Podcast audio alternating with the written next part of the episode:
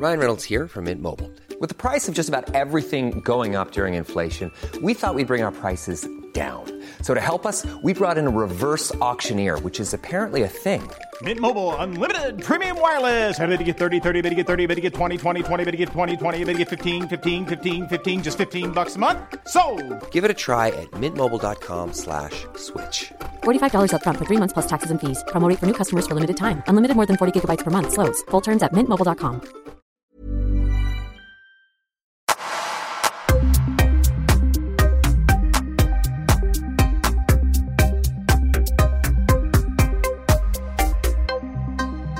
Emma Svensson, välkommen till Öppet sinne. Tack så jättemycket. Du är här på lyssnarnas begäran. Sån ära. Ja, verkligen. Och det är en häftig kombo med dig. Du är fotograf och äventyrare och den kombinationen triggade ju min nyfikenhet eh, väldigt, väldigt mycket. För jag tänkte, min pappa är fotograf, eller var fotograf, Ah, okej. men eh, Mm. han är inte äventyrare. Men jag älskar ju Indiana Jones, så du kommer som en kombination av min pappa och Indiana Jones. Det är tuffa krav att leva upp till här känner jag. Ja men verkligen. Men sen har jag hört en historia om dig om just rockfoto, hur du Mm. eh, startade upp det och det var också någonting som jag tyckte lät väldigt spännande. Men istället för att jag ska berätta hur du gjorde det, känns det ju bättre som att du ska få berätta Mm. vad som hände där. Absolut. Nej, men jag eh, hittade mina föräldrars filmkamera i garderoben när jag var 11 år. Jag kommer från en håla i Dalsland. Så jag började göra massa musikvideor med mina systrar. Stylade dem som Spice Girls, Backstreet Boys och The Prodigy och de fick dansa och sjunga framför kameran. Och jag skulle bara bli regissör. Det var min dröm. Så jag började plugga media på gymnasiet i Uddevalla. Men mina lärare sa att det är ingen idé att bli någonting inom media. Det finns inga jobb, det är för tuff konkurrens, man tjänar inga pengar. Och jag visste ju inte bättre eftersom där jag bodde så fanns det ju ingen media överhuvudtaget. Så jag slutade hålla på med foto och film, men ungefär ett år efter studenten så skulle jag gå på en konsert med Mando Diao. Och av någon konstig anledning så fick jag för mig att jag skulle fotografera, så jag tog med min lilla amatörsystemkamera till den här konserten. Och när jag stod där och tog bilder, då kände jag bara, wow, det här måste jag hålla på med. Det var så här överväldigande ögonblick i mitt liv, som ledde till att jag sen blev fotograf. För jag gick hem och funderade på, hur kan jag göra för att fotografera konserter? Och det här var ju 2003, början av 2003. Och internet fanns ju och det fanns många sajter som skrev om musik, men det fanns ingen som fokuserade på bilder, så jag tänkte att en sån sajt ska jag starta. Och sen med tiden så förvandlades det till en bildbyrå och den finns ju kvar än idag. Mm. Jag känner att jag blir typ arg när du berättar den här historien. Jag känner att jag lackar ur på dina lärare. Ja, Eh, för det där är någonting som jag själv känner igen lite från min barndom och jag har riktat ganska mycket kritik. Jag hade det här samtalet med en annan person igår just om lärarna. ja. Men när de säger att det finns inget jobb, så det är ingenting man ska satsa på. om man säger så Mm. här, jag har aldrig blivit inbjuden till att föreläsa på min gamla gymnasieskola, Nej. eftersom jag öppet har pratat om, om det här, liksom, hur Mm. det var. Har du hört något utav dem som säger, ja men vi ville egentligen bara hennes bästa. Och... Ingenting. Sen tror jag att de ville mitt bästa. De ville inte Mm. att jag skulle ha, liksom, ha några omöjliga drömmar, men jag tycker det är för jävligt för att omöjliga drömmar är det som får en att komma någonstans Mm. i världen. Ja, för, jag, för jag känner lite så också, om man säger så att det finns, det finns ingen jobb där, då leder det ju till egentligen en värld utan fotografer. Ja, Då blir framtiden, då har man ju utrotat fotografyrket. Ingen kan någonsin bli fotograf, att alla lärarna har förklarat för alla barn att det finns inget jobb där. Då har ju de dödat, eliminerat ja det, men exakt. istället för att säga att möjligheten finns. Men Mm. vilket driv var det som gjorde att du ändå kände, fortsatte att känna den här passionen? För att det finns ju två vägar man kan gå här. Det är ju Ja. att lyssna på lärarna och sen ta då vilket yrke som än kommer upp på vägen och så är du fast i hamsterhjulet 9 till 5. Det var ju så det var i början. Jag jobbade på McDonalds extra under gymnasietiden och tänkte, jag har inget bättre för mig. Jag kan satsa på att bli restaurangchef här och sen kanske jag kan typ jobba med HR på något mellanstort företag. Du vet, så här skittråkigt. Mm. Men tack och lov att jag liksom tog med kameran till den här konserten, för det förändrade mitt liv. Det var det som gjorde att jag blev fotograf sen. Men hur mycket fotade du under tiden? Nej, men då började jag ju fotografera väldigt mycket med en gång. Jag tänkte precis innan, alltså precis, frå, Ah. från att lärarna sa till man Ingenting. Ingenting alls. Nej, min kamera åkte in i en låda någonstans och stod och samlade damm. Ja. Mm. Wow. Men sen efter den här första konserten, då blev det ju liksom fyra, fem kvällar i veckan. Mm. Men jag bodde ju i Uddevalla och det var ju inte så jättemycket band och artister som kom dit. Vi hade E-Type på Stadsfestivalen 99 och en gång var Backyard Babies på Harrys också. Mm. Så att det var ju väldigt mycket pendlande till Göteborg fram och tillbaka. Så här, sluta klockan åtta på McDonalds i Uddevalla och bara, okej okay, klockan nio så går det här bandet på scen på Sticky Fingers i Göteborg. Så ja, hur lång tid tog det innan du kunde börja tjäna pengar på att ta de här bilderna? Att du, att du själv kände att alltså, wow, ja, men det Jag finns började potential. tjäna pengar ja, men bara redan efter några månader. För Jag började kontakta så rockklubbar och fråga om jag kunde få vara deras fotograf. Jag hörde av mig till lokaltidningar och sådär. Men det var inte tillräckligt för att leva på det. Men det var ändå en början för att finansiera sin utrustning och resor och sådär. Och sedan så um, sa jag upp mig från McDonalds efter typ tre år, efter att jag hade fotat i tre år, när jag var 22 år gammal, för att satsa heltid på fotandet. Och då hade jag ju trappat ner under de här tre åren, så att i slutet jobbade jag bara 50 procent. Mm. Men det var ju tufft i början. Det var ju liksom käka nudlar, låna pengar. Men på något sätt så hankade man sig fram. Mm. Mm. Hur stort har rockfoto eller hur stort blev rockfoto? Alltså det blev ändå ganska stort. Vi levererade ju bilder till alla de största dagstidningarna och hade ja, men, 100 frilansfotografer runt om i Sverige. Men det är ju en otroligt nischad bransch. Det är ju ingenting alla kan leva heltid på, utan det är ju ett extrajobb för alla fotografer som var med på rockfoto. Men samtidigt också så coolt för att det har varit en språngbräda in i fotografyrket för väldigt många fler än mig om man tittar på de som var med på rockfoto i början, så har vi liksom en som är utställningsansvarig på Fotografiska, någon är bildchef på Dagens Industri, någon på Expressen, någon är en prisbelönt filmfotograf. Det är, så här, det är ganska coolt att mm. rockfoto var starten för deras karriärer också. Och just det där att kunna hjälpa andra framåt, det är någonting som jag alltid brunnit för. För jag märkte ju sen också att det var inte bara jag som råkade ut för den där typen av lärare, för jag jobbade faktiskt som fotolärare själv under ett tag. Och när mina elever skulle ut och kontakta fotografer, då var det ju ofta så här, det där tänker inte jag dela med mig min kunskap av, eller du borde satsa på ett annat yrke, du ska inte komma här och förstöra branschen för oss riktiga fotografer. Sådana där kommentarer fick de. liksom. Mm. Så jag har alltid tyckt att det är så himla tråkigt att det är på det sättet. Och velat förändra det genom att vara mer öppen, dela med mig, inspirera andra, låta andra få vara med på det man gör och liksom ja, men jobba tillsammans istället för att jobba mot varandra. Vad tror du är som gör att folk gärna eller är rädda och känner att de behöver jobba emot andra? Men de ser väl andra som konkurrenter. De är mm. rädda att deras makt och position ska tas ifrån dem. De är väl rädda för att liksom, ja, men, förlora pengar och business och att andra ska komma och vara bättre och ta över och så vidare. Men jag har aldrig varit rädd för det, för att intresset för foto är så pass stort och det bara växer hela tiden. Och Det gör att visst, det är fler som är med och delar på kakan, men kakan blir ju större eftersom intresset ökar så mycket. Mm. Jag tänker lite på, när det gäller just ganska många yrken, inte bara foto, men just foto är väldigt känt också för att man behöver gå en period som lärling och, mm. och hit och dit. Det är ingenting som du har gjort va? Nej, men jag, jag sökte hela tiden kunskap på olika ställen, på internet, i forum, hos andra fotografer och sådär. Mm. Om jag kunde ändra någonting så hade det varit jättebra tror jag att jobba som assistent något år. Men jag hoppade liksom över det steget och bara körde. Vad, vad, vad ger det att jobba som, som assistent? Men man lär sig mycket av den här tysta kunskapen som man kanske inte riktigt kan få eh, när man går en utbildning eller man läser till sig saker i tutorials på mm. YouTube mm. och så. Eh, hur man liksom pratar med kunder, beter sig runt kunder, hur man approachar kunder, pitchar dem, hur man liksom, det går tillväga på en riktig fotografering, vad det finns för dolda koder och budskap och så, allt sånt, sånt där. Liksom. Vad skulle du säga är det största misstaget som eh, vad ska man säga, amatörfotografer gör? Oj, vad svår fråga. Um, och, då, och, då, menar jag de som ändå vill bli fotografer, inte bara hobbyfotografer som Jag tror att ett av de största misstagen man gör är att man fokuserar stenhårt på att lära sig kameran, tekniken, Photoshop och så glömmer man bort liksom att utveckla en personlig stil och ett seende för fotografi. Och Det här gör att man blir osäker som fotograf. Man känner sig lost, man har ingen estetisk kompass. Man vet inte riktigt vad man håller på med, man vet hur man får en skarp bild. Men det är liksom inte det som kunderna vill ha. Det måste mm. finnas någonting mer. Idag handlar det inte bara om bilden du tar, det handlar också om vem du är som fotograf. Vad står du för? Vad har du för värderingar? Hur presenterar du dig själv i sociala medier? Det är liksom hela paketet. Så man får inte glömma den biten också. Jag tänker lite när du pratar just om det här med blick, att Mm. se saker.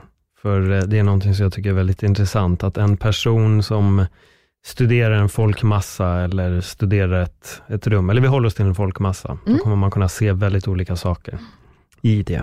Och det finns de som inte ser egentligen någonting mer än en folkmassa. Men en fotograf. Ja, men fotografen behöver egentligen kunna se allt, för att sen också förstå vilken detalj det är de vill fota. Mm, absolut. Vad är det du söker när du, eh, när du fotar? Ofta någonting som är spontant, äkta, oväntat. Mm. Det tycker jag om att fånga på bild. Liksom. Någonting som betyder någonting, som kan förmedla ett budskap till tittaren, som kan påverka människor. Hur mycket, vad får du jobba med för typer av foto idag? Jag fotograferar människor eh, ganska brett. Jag fotar modeporträtt, eh, lifestyle, eh, skivomslag, ja, det mesta, outdoor. Men jag fotar inte rena produktbilder, jag fotar inte djur, eh, jag fotar inte, eh, ja men, jag vet inte, landskap så jättemycket mer än på hobbynivå. Liksom. Det är skönt att ha en del av fotografiet som bara är för min egen skull. Där jag får bara så här, njuta av foto i en vacker miljö. Men jag måste liksom inte prestera på samma nivå som när jag gör ett fotojobb. Mm. Starkaste minnet från att fota för dig själv? Att fota för mig själv, jag tror att det är alla de här gångerna när man verkligen kämpat för att ta en bild. Jag kommer ihåg när jag var i Patagonien och så ville jag verkligen ta en soluppgångsbild över tre torn. Och det är en så här fem timmars hike upp dit och jag tror jag gick upp där tre gånger för att få den här bilden. Och sista gången så gick jag till och med upp på kvällen innan för att det var så här fantastisk solnedgång. Men då är solen från fel håll, så det blir inte den där bilden man vill ha. Det måste vara i soluppgången. Så jag stannade kvar där uppe, hade tagit med mig en sovsäck och det är egentligen förbjudet att campa, liksom. men jag gjorde en liten bivy där. Och sen började det ösregna under natten, så jag kröp under en sten och liksom, det var som ett avsnitt av Robinson. Man bara satt och frös hela natten i det här ovädret. Och sen på morgonen så var det såklart ingen soluppgång, utan det var bara så här regn och moln överallt, så jag fick gå ner igen. Och även fast det inte blev någon bild, så blev det en fantastisk upplevelse och ett bra minne. Trots att det bara typ var misär hela tiden, så var det ändå liksom min insats, den betydde någonting. Är det inte också genom de hårda tiderna som vi lär oss mest? Exakt. De starkaste utmaningarna. Yes. Jag kan verkligen tänka mig när du ligger där under stenen också och det bara regnar och så jag, men det kommer ändå vara värt det. Det kommer Exakt. vara värt det. Och sen Ja. dagen efter så okej fan det var inte värt det. Man måste ju hålla motivationen uppe. Liksom. Hur länge sedan var det här? Ja, men det var några år sedan, kanske fem, sex år sedan. Har du kvar planen att gå dit igen och få den här uh, soluppgångsbilden? Nej, men nu har jag ändå varit i Patagonien några gånger ehm, i jobbet och sådär. Och jag känner väl lite grann att även om det är en fantastisk del av världen, så kan jag inte motivera att åka dit igen, för det är en så pass lång flygresa. Och jag försöker trappa ner mitt flygande så mycket jag kan. Och då känns det liksom inte... Jag kan inte försvara att åka dit en gång till bara för att ta den här bilden. Så det får vara en utopi. Det är okej. Vägarna kanske korsas ändå. Du kanske får en Exakt. annan anledning att åka dit i Precis. framtiden. Om det skulle vara så, då får jag göra ett nytt försök. Mm. Men jag vill backa lite till, till just rockfoto. Mm. Eh, för det minnen som jag har som barn själv, så är det just eh, konsertfoton. För min pappa gick nämligen och fotade väldigt mycket och han har ett x antal foton på Prince som han har plockat. Ah, vad coolt. Men då var det ju från den tiden också då du antingen hade 24 eller 36 eh, foton att ta, sen var rullen slut. Exakt. Så det gick ju inte bara att skjuta loss, liksom, utan då fick man verkligen hitta den här exakta bilden. Mm. Vad, vad tittar du efter när det gäller just eh, konserter och finns det någon konsert som, eller ska säga en artist som är vänligare att fota? Absolut. Jag, eftersom jag har fotat över 3500 konserter, så blir jag ganska kräsen. Jag letar efter det oväntade, någonting som överraskar mig. Någonting, något action som inte händer varje gång man är ute liksom, på en konsert och fotograferar. Faktum är att jag i princip nästan har slutat fota konserter de senaste sju åren, för att jag blev så trött på det här med att om jag måste fota en till singer-songwriter som sitter på en stol och spelar gitarr, då vill jag inte vara med. Men jag älskar att fotografera personer som verkligen levererar en show. Här i Sverige så har vi exempelvis Dennis Lyxzén i Refused, eller Ola Salo från The Ark, Maja Ivarsson i The Sounds. De liksom, men man kan få nya bilder på de här banden varje gång man fotar dem, för det händer alltid någonting nytt. Det är något hopp, det är någon stage dive, det är någon gitarr som kastas upp 10 meter i luften. Det liksom händer något otippat och det tycker jag är kul. Var du på Foo Fighters när Dave Grohl bröt benet? Alltså jag undrar om jag var det, jag tror inte det, men jag har fotat Foo Fighters ett par gånger och Dave Grohl är ju världens trevligaste man alltså. Mm. Så himla himla härlig person. Så, men jag tror inte det var den konserten när han bröt benet. För att man får ju bara fota de tre första låtarna på en konsert. Sen blir man ju Ah, liksom okej. utskickad. Man får inte ens stanna kvar på arenan om man har otur. Ja, för jag tänkte det måste ju ha varit höjden av oväntat. Ja, Att han sen precis. sitter med, de, han åkte väl iväg och gipsade benet och Ja, kom tillbaka och sen exakt. satt där och fortsatte spela. Då har du ju ändå en singer-songwriter som sitter. men Precis, Då är precis. incidenten, Någonting det är nygipsat. Ja, Exakt. precis, bryter benet med konserten och fortsätter ändå. Ja, men det är stort. Ja. Mm. Vilka foton är det som passionerar dig mest idag? Jag eh, älskar bilder som är fotade med ett syfte. Eh, I modebranschen så har vi ju sett en tydlig förändring de senaste åren mot mer mångfald, mer naturligt, mer oretuscherat och man vill verkligen ja, men visa upp människan så som den är istället för det här perfekta idealet som det alltid varit tidigare. Och det älskar jag, att det liksom finns det här att människor får faktiskt se ut som de gör på riktigt en motreaktion till hur det alltid har varit inom den här branschen.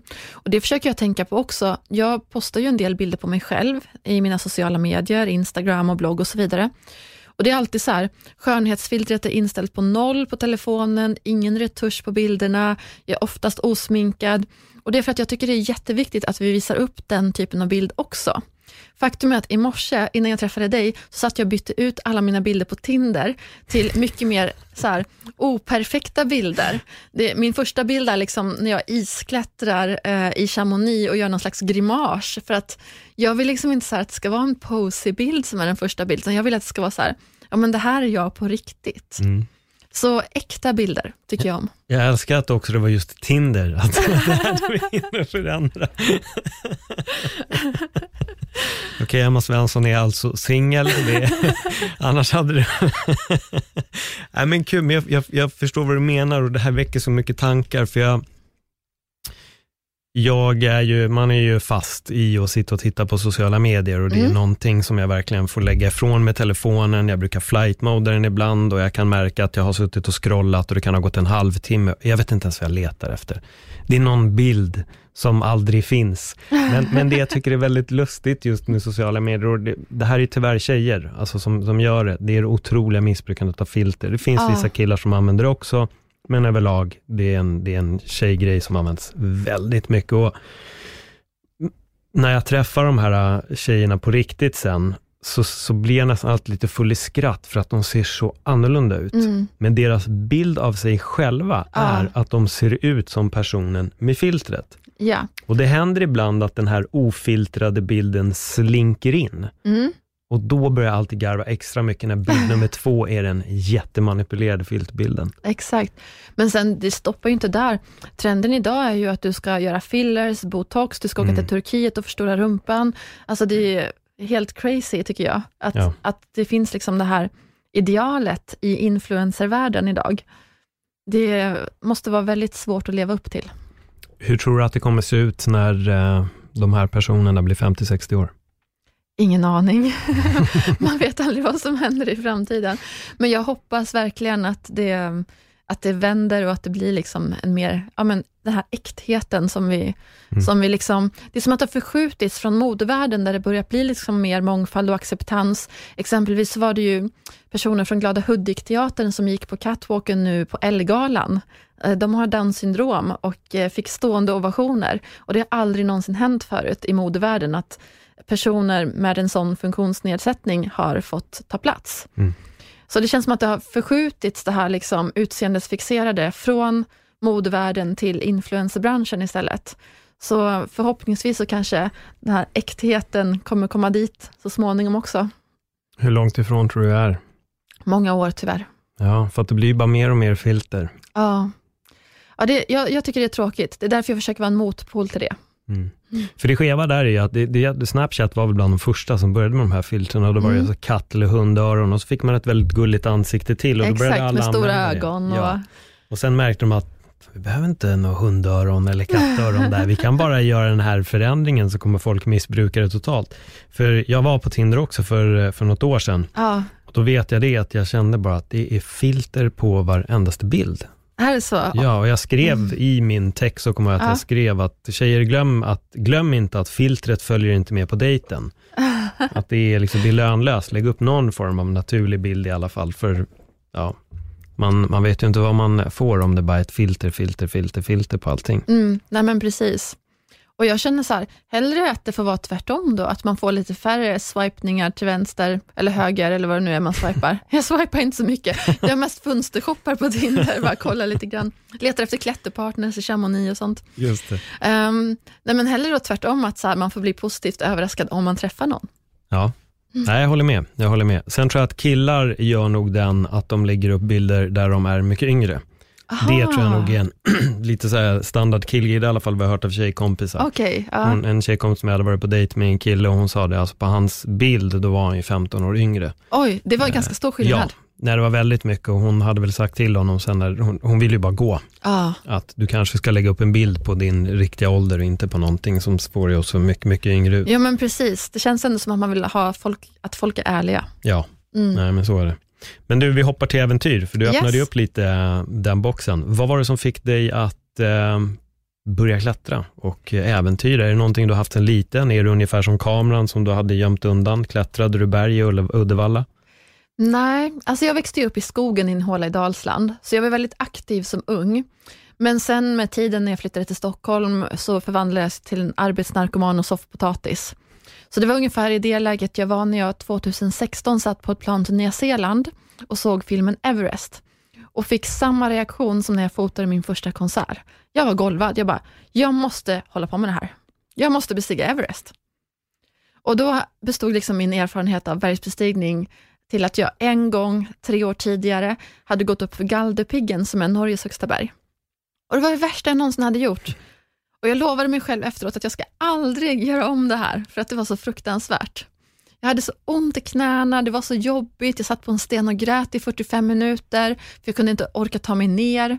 Jag fick låtsas att jag blev jagad av vargar för att få någon slags adrenalinkick liksom för att orka gå.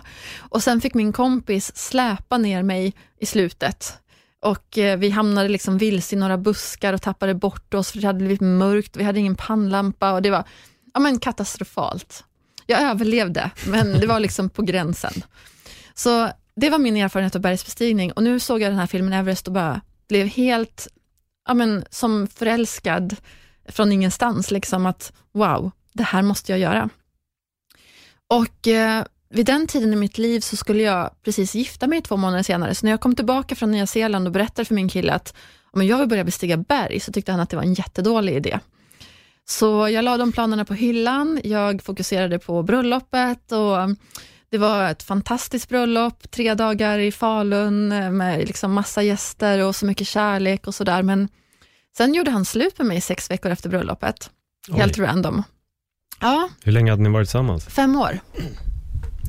Varför gifter man sig ifall man vill göra slut efter sex Ehm, veckor? jag vet inte. Nej. Men det som var bra med det här var ju att nu kunde jag ju bestiga berg. Mm. Så det började lite smått och försiktigt. Jag gjorde något berg ett halvår senare och ett berg till efter det. Och sen sommaren 2017 då var jag och gjorde Elbrus, som är det högsta berget i Europa, ligger i Ryssland. Och när jag kom hem därifrån så var jag rastlös och eh, ganska omedelbart, alltså vi pratar typ två timmar från att jag hade landat, så ehm, var jag så här, okej jag måste ha ett nytt projekt. Jag har bestigit det högsta berget i Europa. Tänk om jag skulle bestiga högsta berget i varje land i Europa. Undrar om en vanlig människa som jag ens kan göra en sån sak. Vilka är ens de högsta bergen i Europa? så jag så här googlade och gjorde lite research i två timmar och sen bara, ja men jag kör. Och så åkte jag upp till Kebnekaise dagen efter. Fast då, ja, men då vaknade jag upp med feber, så det blev ingenting. Jag fick åka Mm, hem okej. igen. Men veckan efter gjorde jag Mont Blanc. Så um, nu hade jag planerat att jag skulle bestiga 49 berg på ett år. Ja, jag, det inte, var ju ganska lite. ja, vad jag inte visste då var att eh, det fanns ett världsrekord, att det var någon som hade gjort det här tidigare och det hade tagit två och ett halvt år för honom. Så jag hade ju satt ribban ganska högt. Och dessutom så la jag ju till en massa extra berg, så det blev 61 berg totalt Ja. runt om i Europa, när jag var klar med det. Fyra dagar innan min deadline. Men du skulle ju alltså bestiga mer än ett berg i veckan. Ja, och dessutom gjorde jag fem berg över 5000 meter i Sydamerika samma år. Oj. Så det, blev, det spårade ur helt enkelt. Mm. Men när jag var klar med det här projektet så var det helt omöjligt att gå tillbaka till sitt gamla liv. Men lyckades du göra alla? Ja, ja. Jaha, okej, jävlar. Ja. Så du, du verkligen du fick till det också? jajamensan. Okej, ja. Yes. Det gick så snabbt, jag hängde inte ens med att du faktiskt lyckades bestiga. Jag gjorde liksom inget annat under ett helt år. Det var som att man satte hela sitt liv på paus Mm. och så besteg man berg och så kom man hem och jobbade så man skulle ha råd att bestiga nästa berg. Typ så såg mitt liv ut. Liksom.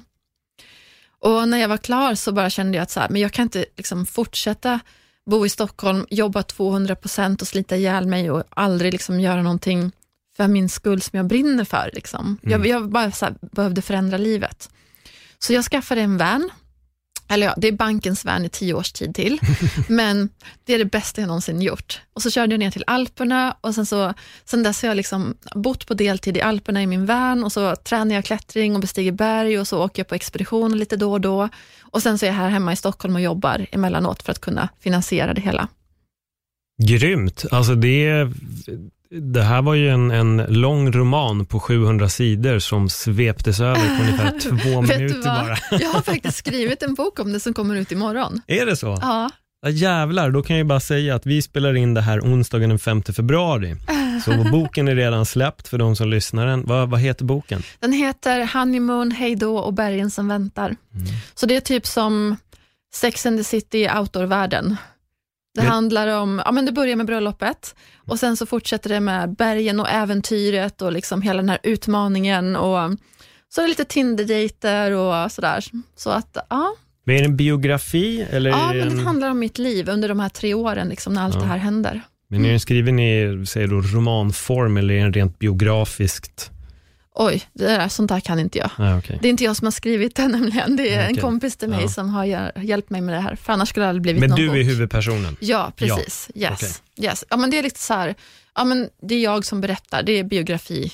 Mm. Liksom. Mm. Jag, tror- jag tror att den korrekta kategorin skulle då bli non-fiction, tror jag. Okej, Det är det den går in i. Att det du liksom kan en- det här med böcker? Ja, men jag, är, jag har eh, skrivit två böcker, ingenting som är släppt, men eh, Ja. jag, jag har också författarambitioner. Jag har Ja, bara lagt det häftigt. på hyllan lite. Uh, jag börjar podda och jobba och massa, men nej, det finns där. Nej, jag, jag älskar böcker. Jag har ju en bok här också bredvid Mm. mig. Jag, jag läser jättemycket, så jag är lite...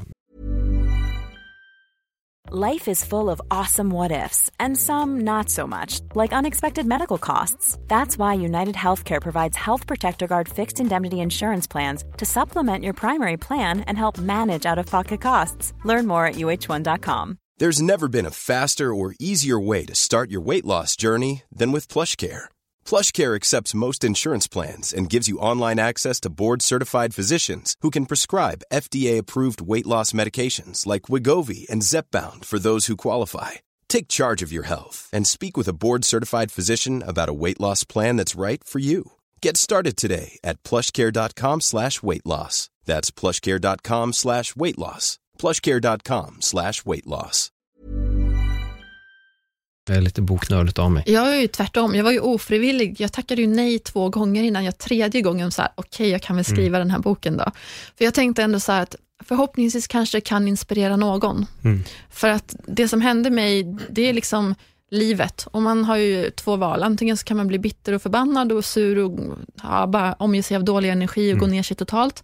Eller så kan man göra det bästa av situationen och det tyckte jag att jag gjorde. Och um, ja, men, Jag tror att den här boken förhoppningsvis kan inspirera folk till att ja, men, vilja, våga göra mer i livet. Det är så lustigt när du berättar det här. Nu, de som lyssnar på den här podden, de har hört den här historien förr, men, men jag har också en liten sån här eh, berättelse om ett berg och eh, litet krossat hjärta. Jag var själv i en form av ett triangeldrama för några år tillbaka och jag åker till Kanada för första gången för att hälsa på några som jag väldigt slumpmässigt hade lärt känna via nätet. Eh, men då finns det The Grouse Mountain och det är, bara, det är en, som en, att säga att det är en promenad upp, det är ju lite liksom undervärdera själva upplevelsen. Man, man, man går upp för ett berg, det är väldigt jobbigt, det är väldigt intensivt. Jag tror att på slutet så har du kommit upp 3000 meter över havet. Mm, då börjar det faktiskt bli lite jobbigt. Mm, så, Mindre syre och sådär. Liksom. ja, verkligen. Mm. Och på slutet så är det otroligt. Jag tror att den sista sluttningen är väl ungefär 200 meter som går ganska snabbt. Ah. Där första gången trodde jag att mina lungor skulle sprängas. Ehm, och du kan, bara, du kan inte kliva av heller, utan det är upp och när du åker ner åker man linbana ner. Ah, ja. Mm. Det är så man kommer ner. Så det är, liksom, det är en utmanande promenad som de har där.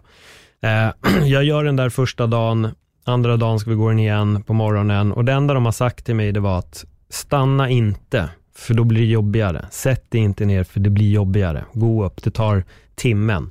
Snabbaste någon har kommit upp till är 25 minuter, men standard är att man ligger mellan en timme, en och en halv, två timmar kanske. Men jag går upp och jag svär och jag är skitarg och tycker att det här är ett jävla skit. Fan vad fan gör jag det här för? Jävla skitberg kan dra åt helvete. Alltså fan vad var helvetes skit och jag svär hela vägen upp. Och när jag väl kommer upp så står jag bara och svär att jag fattar inte varför jag utsatt mig för den här jävla skiten. Och jag filmar mig själv också, jättearg. Och så stänger jag av. Och så tror jag det tar en minut och hela upplevelsen förändras. Och så filmar jag igen. Jag måste gå upp för det här berget igen och, och det, här är helt fantastiskt. Det är typ det bästa jag gjort och jag, jag måste göra om det här. Och, och jag vet att när jag väl gick upp för det här berget, innan, innan jag åkte upp så gick jag bara och tänkte på den här tjejen och jag gick Ja. och tänkte på massa grejer hemma, jobb och ekonomi och 2000 saker. Men under den timmen då jag gick upp, då fanns bara jag och berget. Det är exakt så här det är. Ja. Att bestiga berg, det är pain and suffer. Det är type 2 fun. Liksom. Det är inte alltid så roligt när man gör det. Nej. Framförallt inte om det är så här, ja, men dåligt väder och snöstorm och blåser jättemycket eller så. Men efter man har gjort det så känns det helt fantastiskt. Och det kan förändra vem man är. Och precis som du säger, man tänker inte på någonting annat. Man måste vara fokuserad och i nuet. Så det är typ som att gå och meditera. Och när jag bestiger berg så är det ofta att man håller på i 12 eller 16 timmar en dag. Det är ganska länge liksom. Och det är så himla skönt att så här, under den tiden bara få vara i naturen med sig själv. Det är du och berget, precis som du säger. Jättehäftig upplevelse. Och det häftiga är att alla de här äh, krossade hjärtanen man har, de försvinner. Exakt. För man, så som jag kände var att jag kan välja att sitta och gråta, Mm. precis som på berget. Eller så väljer jag att gå upp Ja, och så är det klart. Efter att jag hade gått upp där så släppte jag allt. Allting Häftigt. släppte jag. När jag kom hem, jag sa ju lite det att jag höll på och poddade Ja. mycket på den tiden. Jag hade så otroligt mycket projekt. Jag slutade med stand-up, jag slutade podda, jag började fokusera på en sak och det var att skriva en bok. ja, Det var det som blev mitt här, jag ska lägga fokus på en grej. Och det, det förändrar mig jättemycket. Så jag kan verkligen förstå det här med, med berget och känslan. Nu har inte jag bestigit fler berg, men jag kan säga att jag åkte dit nio månader senare och gick upp för den där tio gånger på typ sju dagar. Så jag gjorde flera gånger per dag. Så folk tyckte att jag var besatt nu, utav nu det. måste du hitta något nytt berg som du får Ja, jag ta dig tror an. nog det. Jag tror nog det. Jag tror Mont Blanc skulle vara en bra utmaning för dig. Hur högt är det då? Hur utmanande är det? Det är 4810 meter, så det är det högsta berget i Alperna. Mm. Och det finns ju flera olika rutter upp på det här berget. Ehm, men den normala rutten, den tar två dagar för en vanlig människa. Men då måste man vara akklimatiserad innan, det vill säga ha vant sig vid hög höjd. Så då kanske man spenderar två, tre dagar innan med att bestiga något mindre berg och sova i någon mountain hut på typ 2500-3000 meter, så att man inte liksom chockar kroppen, för då kan man drabbas av höjdsjuka om Mm. man försöker gå upp för fort på ett högt berg. Så den normala rutten, den är, den är inte jättesvår. Det är först en bit hiking och sen så ska du liksom göra en sak som kan vara lite farlig och det är att du ska eh, korsa en couloir och där kan det rasa ner massa stenar om du går för sent på dagen. Så man vill gärna gå tidigt på morgonen medan det fortfarande är kallt så att liksom snön och isen fortfarande håller de här stenarna på plats. Sånt kan vara jättefarligt. Jag höll på att dö i ett sånt stenras i somras. Vad hände? Jag fick en jättestor sten i huvudet. Eh, svimmade av och ramlade ner från berget. Men jag satt ju ihop med min klätterpartner i ett rep, så han kunde liksom kasta sig på en sten och hålla fast, så att han räddade mitt liv. Sen, Annars hade ni båda... annars hade vi båda dött. Mm. Hur kändes det efteråt? Faktiskt inte mer än att jag så här reagerade över att, okej, det var två saker som var viktiga. Det ena var att jag ville inte vara rädd för att gå tillbaka till bergen igen, så jag liksom, så fort jag kunde gick ut och klättrade igen. Mm. Fast jag hade fortfarande hjärnskakning och inre blödningar och sådär, så jag liksom gjorde lite lättare klättring för att inte så att det här skulle avskräcka mig. Men sen var det också att man funderade så här, vad håller jag på med i livet? Jag höll på att dö, nu har jag fått en chans till. Men jag kom fram till att jag gör allting jag vill göra. Allt jag brinner för, jag följer mitt hjärta, mina passioner, jag älskar mitt liv. Så det fanns ingenting jag ville förändra. Och det kändes faktiskt väldigt bra. Mm. Jag är lycklig liksom. För jag har hört historier om folk som har gjort den här typen av saker. Och när den här dödssituationen uppstår och de klarar sig, så har jag fått höra vid två tillfällen att det också är en grej som har triggat dem lite. Mm. Att så här, wow, jag, und, jag undkom döden. Ja. Folk har dött, men jag klarar mig. Fan Ja. vad spännande, jag vill fortsätta. Att det Ja, för mig- det här nej. För mig finns det aldrig någon sån grej. Jag är Nej. ingen adrenalinjunkie. Det är inte ens adrenalinkick att bestiga berg, utan det är ju, som jag sa, type 2 fun. Liksom. Mm. Ehm, så det är inte som att åka skidor eller hoppa bungee jump eller något sånt där. Så, så det, det kan jag inte känna igen i mig själv faktiskt, utan Mm. jag försöker vara väldigt noggrann med att ta det steg för steg, för det är en extremt farlig sport. Och jag var ju värsta rookien när jag började, jag kunde ju ingenting. Så då vill man ju vara safe, så då klättrar man med guider och sen så um, ber man någon guide lära en saker så att man lär sig liksom att vara självständig och klättra med partners och så tränar man på det. Och så ser man till att inte göra för svåra saker för snabbt, utan liksom samla mycket erfarenhet innan man tar nästa steg hela tiden. Så att jag är väldigt mycket mer så här, försöker förebygga att någonting sånt här ska hända och vara lite mer försiktig och, och så. Det är lite som rockfoto. Ja, Samla på dig erfarenhet exakt. med tiden, sen blir du bekvämare, sen tar du Precis, själv under dina precis. egna vingar. Men jag och- gillar ju det här att ständigt utmana mig själv. Så jag pushar ju hela tiden min egen gräns framåt. Konstant. Och det är det jag älskar med bergen, den här utmaningen. Liksom. Förutom att det är fantastiskt vackert och spektakulära miljöer och just det här som vi pratade om, att det är du och berget. Mm. Den, den liksom upplevelsen. Har du fått höjdsjuka någon gång? Alltså lite små känningar har jag fått eh, och då är det oftast lätt huvudvärk. Man blir dålig i magen. Det kan vara så här att man är på 6000 meters höjd och så bara, okej, jag måste skita nu. och så är det jättebrant och så är man i ett rep tillsammans med fyra andra och man bara, kan ni snälla vända er om? Mm. och så får man göra det i en påse som man sen måste bära ner. Men är det i klättring uppför en eh, totalt brant vägg eller är det att ni går? Alltså bergsbestigning kan ju vara båda de där grejerna. Ja. Eh, så nu snackar vi kanske så här 50 graders lutning. Mm. Så det är inte vertikalt, men det är ju brant. Nej, för annars måste du glida åt sidan om du är högst upp. Det var så jag tänkte. Det är dags, flytta er en meter. Gärna åt rätt håll med vinden. Alltså det är det som är grejen. Jag kom precis hem från Aconcagua som är Sydamerikas högsta berg. Mm. Det är 6962 meter. Och då spenderade jag ju tre veckor och bodde i ett tält. Och det är verkligen sådär, man är ju inte sitt fräschaste på en sån här expedition. Men det gör att jag tycker att man uppskattar så himla mycket mer ens komfort när man kommer hem. Att den här, jag gillar den här kontrasten i livet, liksom, att ena dagen så bor man i ett tält, nästa dag så kör man sin van ner till Alperna och lever väldigt minimalistiskt men ändå väldigt komfortabelt. Och sen så har man en lägenhet i Stockholm som man är i ibland. Och, ja, men just det där att mitt liv är inte den här rutin 9 till 5 vardag, utan det är ett nytt äventyr varje dag nästan. Men jag tänker på det, när, när du väl kommer hem, som du säger, de här kontrasterna. Mm. Eh, för du, du bor ju i ditt tält. Det är kanske inte jättemycket folk som springer omkring. Du eh, cirkulerar inte bland människor som deras fokus är rätt filter till Instagram till exempel. Utan det här är ju, de du springer på, det är lite fokus här och nu, Ja. livet, njuta, inte liksom imorgon eller övermorgon eller igår. Ja. Men när du kommer hem sen och ser de här personerna som är begravda i mobilen, Mm. det säger ju en kontrast. Vad, vad tänker du då? Jag är ju också en sån person faktiskt. Jag använder min mobil extremt mycket för att det är en del av mitt jobb. Och för att jag också tycker att det är så kul att dela med mig av det jag gör och inspirera andra. Och um, Jag känner liksom inte så här att det är ett jättestort problem, för jag kan lägga bort mobilen om jag vill och stänga av den och liksom inte använda den. Jag menar, när du är på ett berg, då kan det ju vara ja, men, lätt två veckor utan att du kan använda internet. Så där är också en kontrast. Liksom. Vad förändras när du inte använder mobilen på två veckor? Man blir uttråkad och det är jättebra. För när jag blir uttråkad, då blir jag otroligt kreativ. Så när jag exempelvis kör ner till Alperna från Sverige, det tar tre dagar att köra här från Stockholm ner till Chamonix. Eller om jag vandrar in till ett basecamp och det tar tre, fyra dagar. Då gör man någonting ganska monotont. Man går och går och går och går eller man kör och kör och kör. Och när jag kör eller går så försöker jag att inte ens ta in nya intryck mer än min omgivning. Jag lyssnar inte på någon ny musik, jag sätter inte på någon podd eller ljudbok, utan jag liksom försöker vara ganska uttråkad.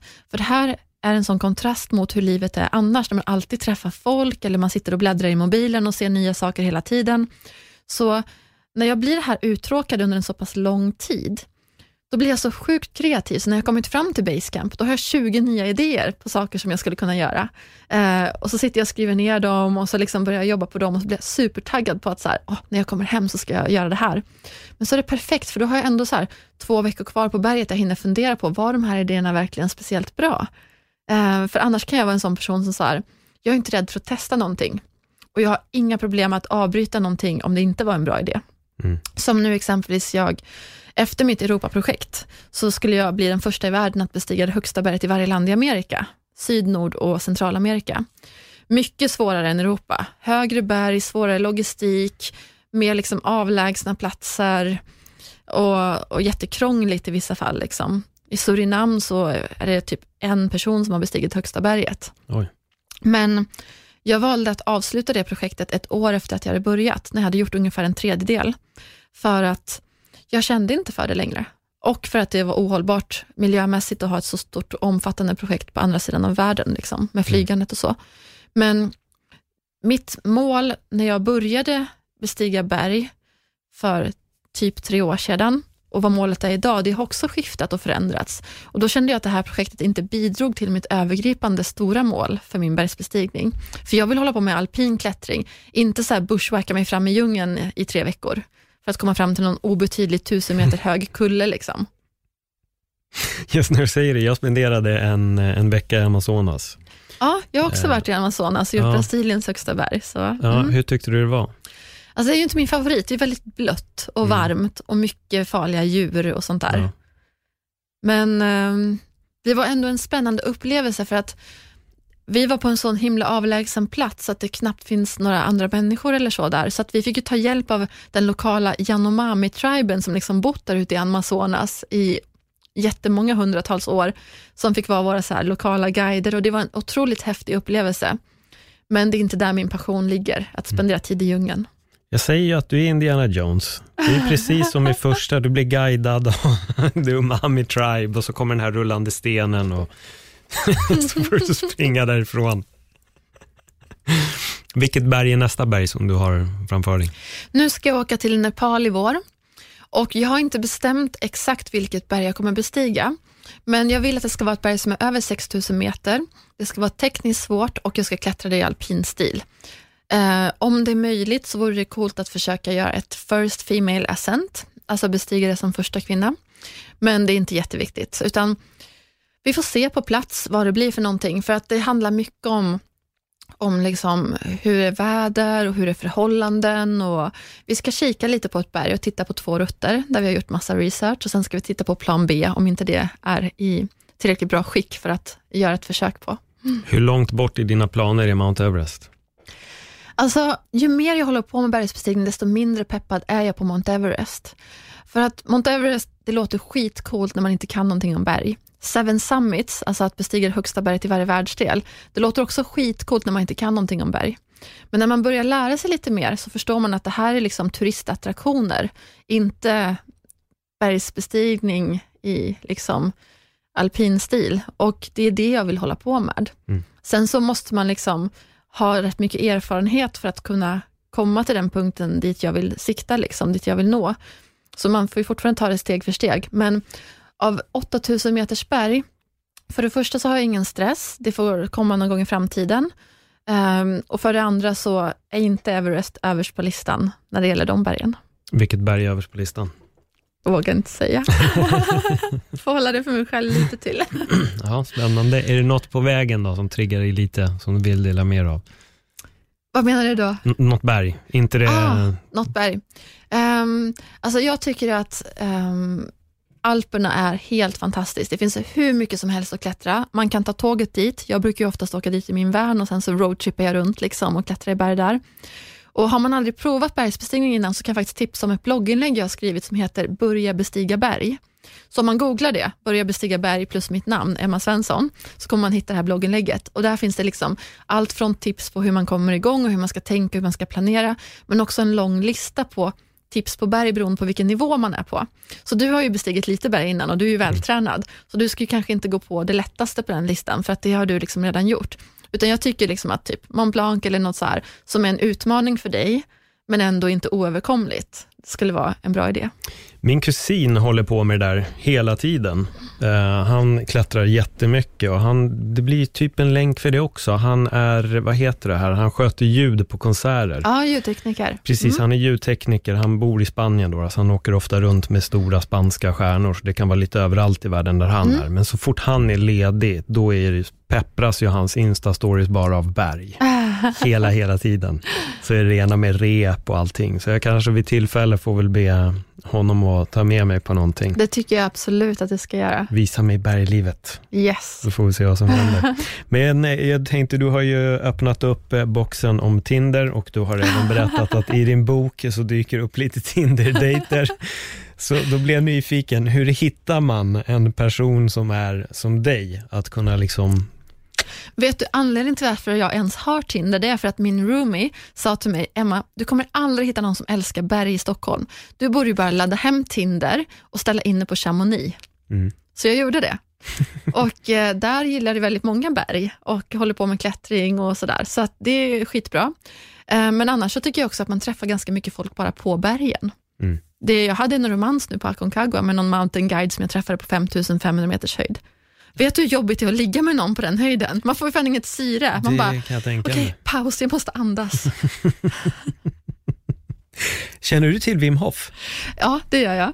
Har du testat hans metoder? Just när du säger det här med det är svårt att andas. För jag tänkte lite på också när du var inne på höjdsjuka, och, för han brukar ta upp folk till Kilimanjaro utan Mm. Ja. att acklimatisera sig. Okej. Att de jobbar bara med andning och Mm. fortsätter processen upp direkt. Alltså jag har inte provat några andningsövningar eh, och jag har varit lite avskräckt också för att jag gillar inte kalla bad. Jag tycker det är skitjobbigt.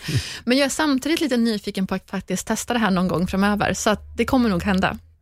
Jag utövar ju hans metoder varje Mm. dag och duschar kallt och badar kallt och allt möjligt. Men jag har inte gjort det på höga höjder. Nej, Det är jag väldigt nyfiken på, för jag tror att du kan utnyttja det av andningsövningarna, men jag tror inte du behöver bada. Ifall det gäller att kunna acklimatisera sig. Då, All då right. tror jag inte att den biten spelar någon roll. Då tror jag har mer med syresättningen i kroppen och andningen i sig. Så det kanske skulle vara värt att lära sig hans metoder och bara använda dem i, ja i men absolut. Jag måste kolla upp det här. Funka. Ja, det tycker jag definitivt. Mm. Men vad hände med mountainguiden? Var, ingen fick ett stroke hoppas jag under hela... Nej, det tror jag inte. Ehm, men du vet, han bor på andra sidan jorden. Det är, det är svårt att... Inte, han är där fortfarande och klättrar i Aconcagua. Det är högsäsong där just nu. Ja. Men jag har faktiskt bjudit honom att komma och hälsa på mig till Europa. Han har Mm. aldrig varit i Europa förut, så vi får väl se om det kommer hända eller inte. Ska du ta honom till Chamonix då eller blir det Sverige? Absolut. Chamonix, Italien, Dolomiterna, runt om liksom. Mm. Men hur hinner du jobba under den här tiden? För det, ja, ja, det känns som att du eh, äventyrar mer än vad du jobbar. Nej, det är faktiskt inte sant. Jag skulle säga att jag ändå jobbar mer än jag äventyrar. Och jag kombinerar det ofta också. För att jag är ju den här personen som tar med mig en laptop till Basecamp och så sitter jag och jobbar på min lediga dag i Basecamp. Och sen så jobbar jag mycket från mobilen och liksom eh, Ja, men när jag är nere i Alperna, då kanske jag jobbar på morgonen och sen så åker jag lite skidor på dagen och sen så jobbar jag på kvällen och sen så nästa dag så är jag ute och klättrar och sen så jobbar jag när jag kommer tillbaka. Så att, ja, jag har lite flexibelt arbetsliv så. Och när jag är hemma i Stockholm så är det mer fokus på jobb än på äventyr. Hur långa perioder är du hemma? Det är väldigt olika, så det anpassas efter liksom mitt jobb. För att mycket av det jag håller på med kan jag ju sköta på distans. Men själva fotograferingar och föreläsningar och workshops och sånt, då måste jag ju vara på plats någonstans.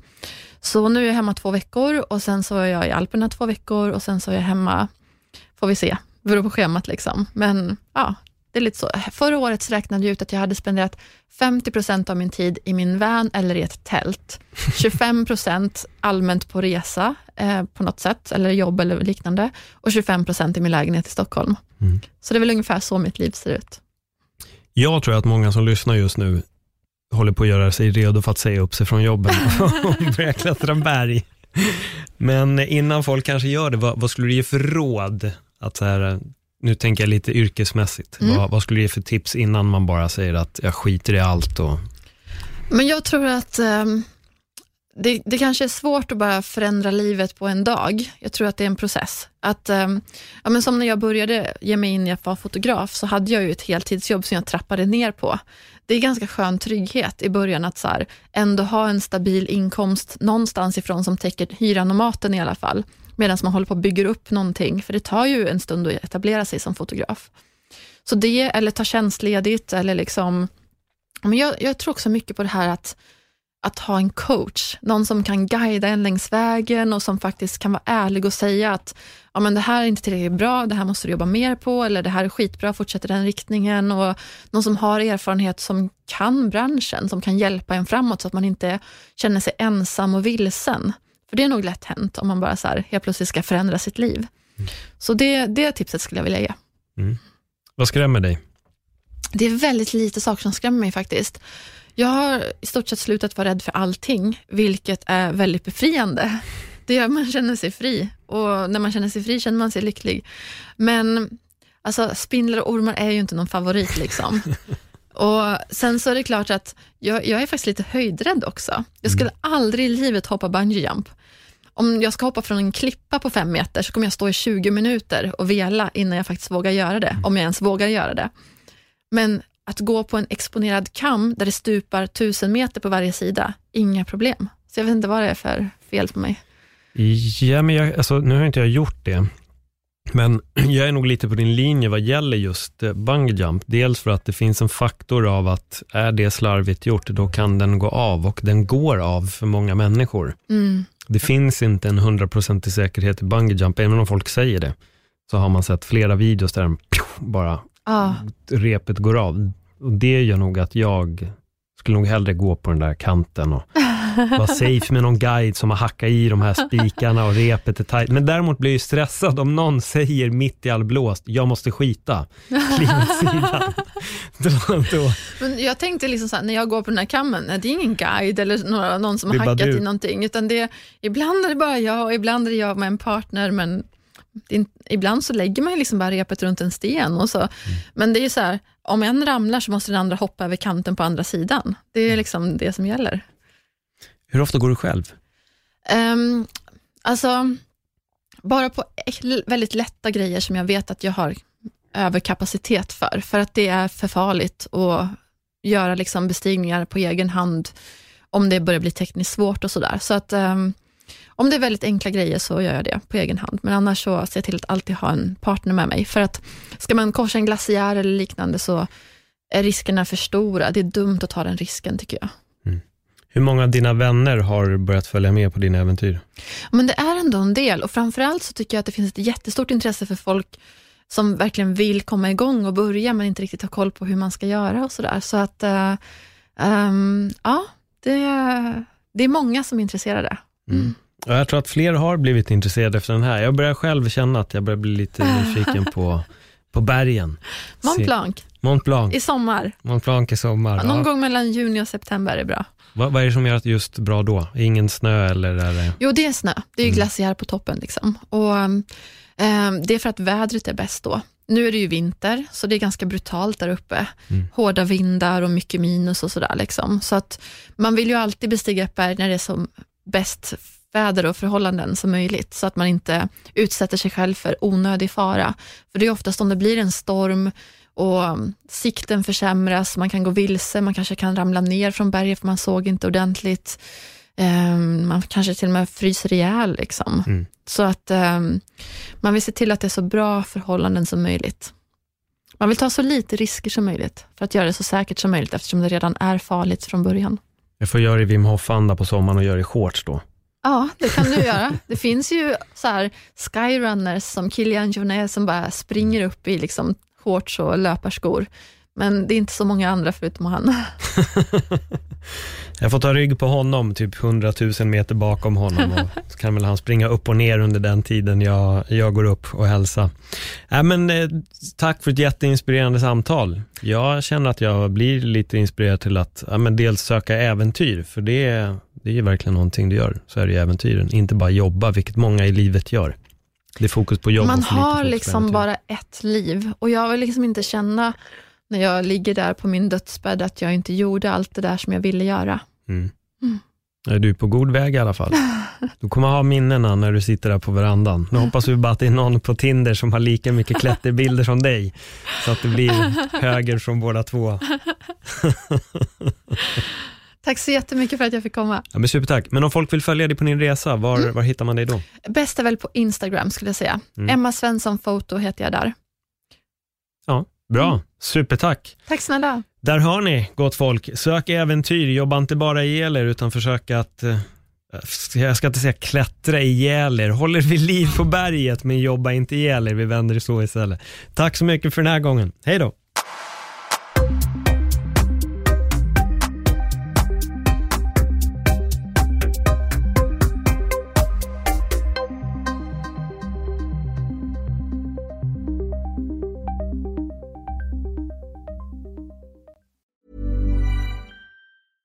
Ever catch yourself eating the same flavorless dinner three days in a row? Dreaming of something better? Well, HelloFresh is your guilt-free dream come true, baby. It's me, Gigi Palmer. Let's wake up those taste buds with hot, juicy pecan-crusted chicken or garlic butter shrimp scampi. Mm. Hello Fresh. Stop dreaming of all the delicious possibilities and dig in at HelloFresh.com. Let's get this dinner party started.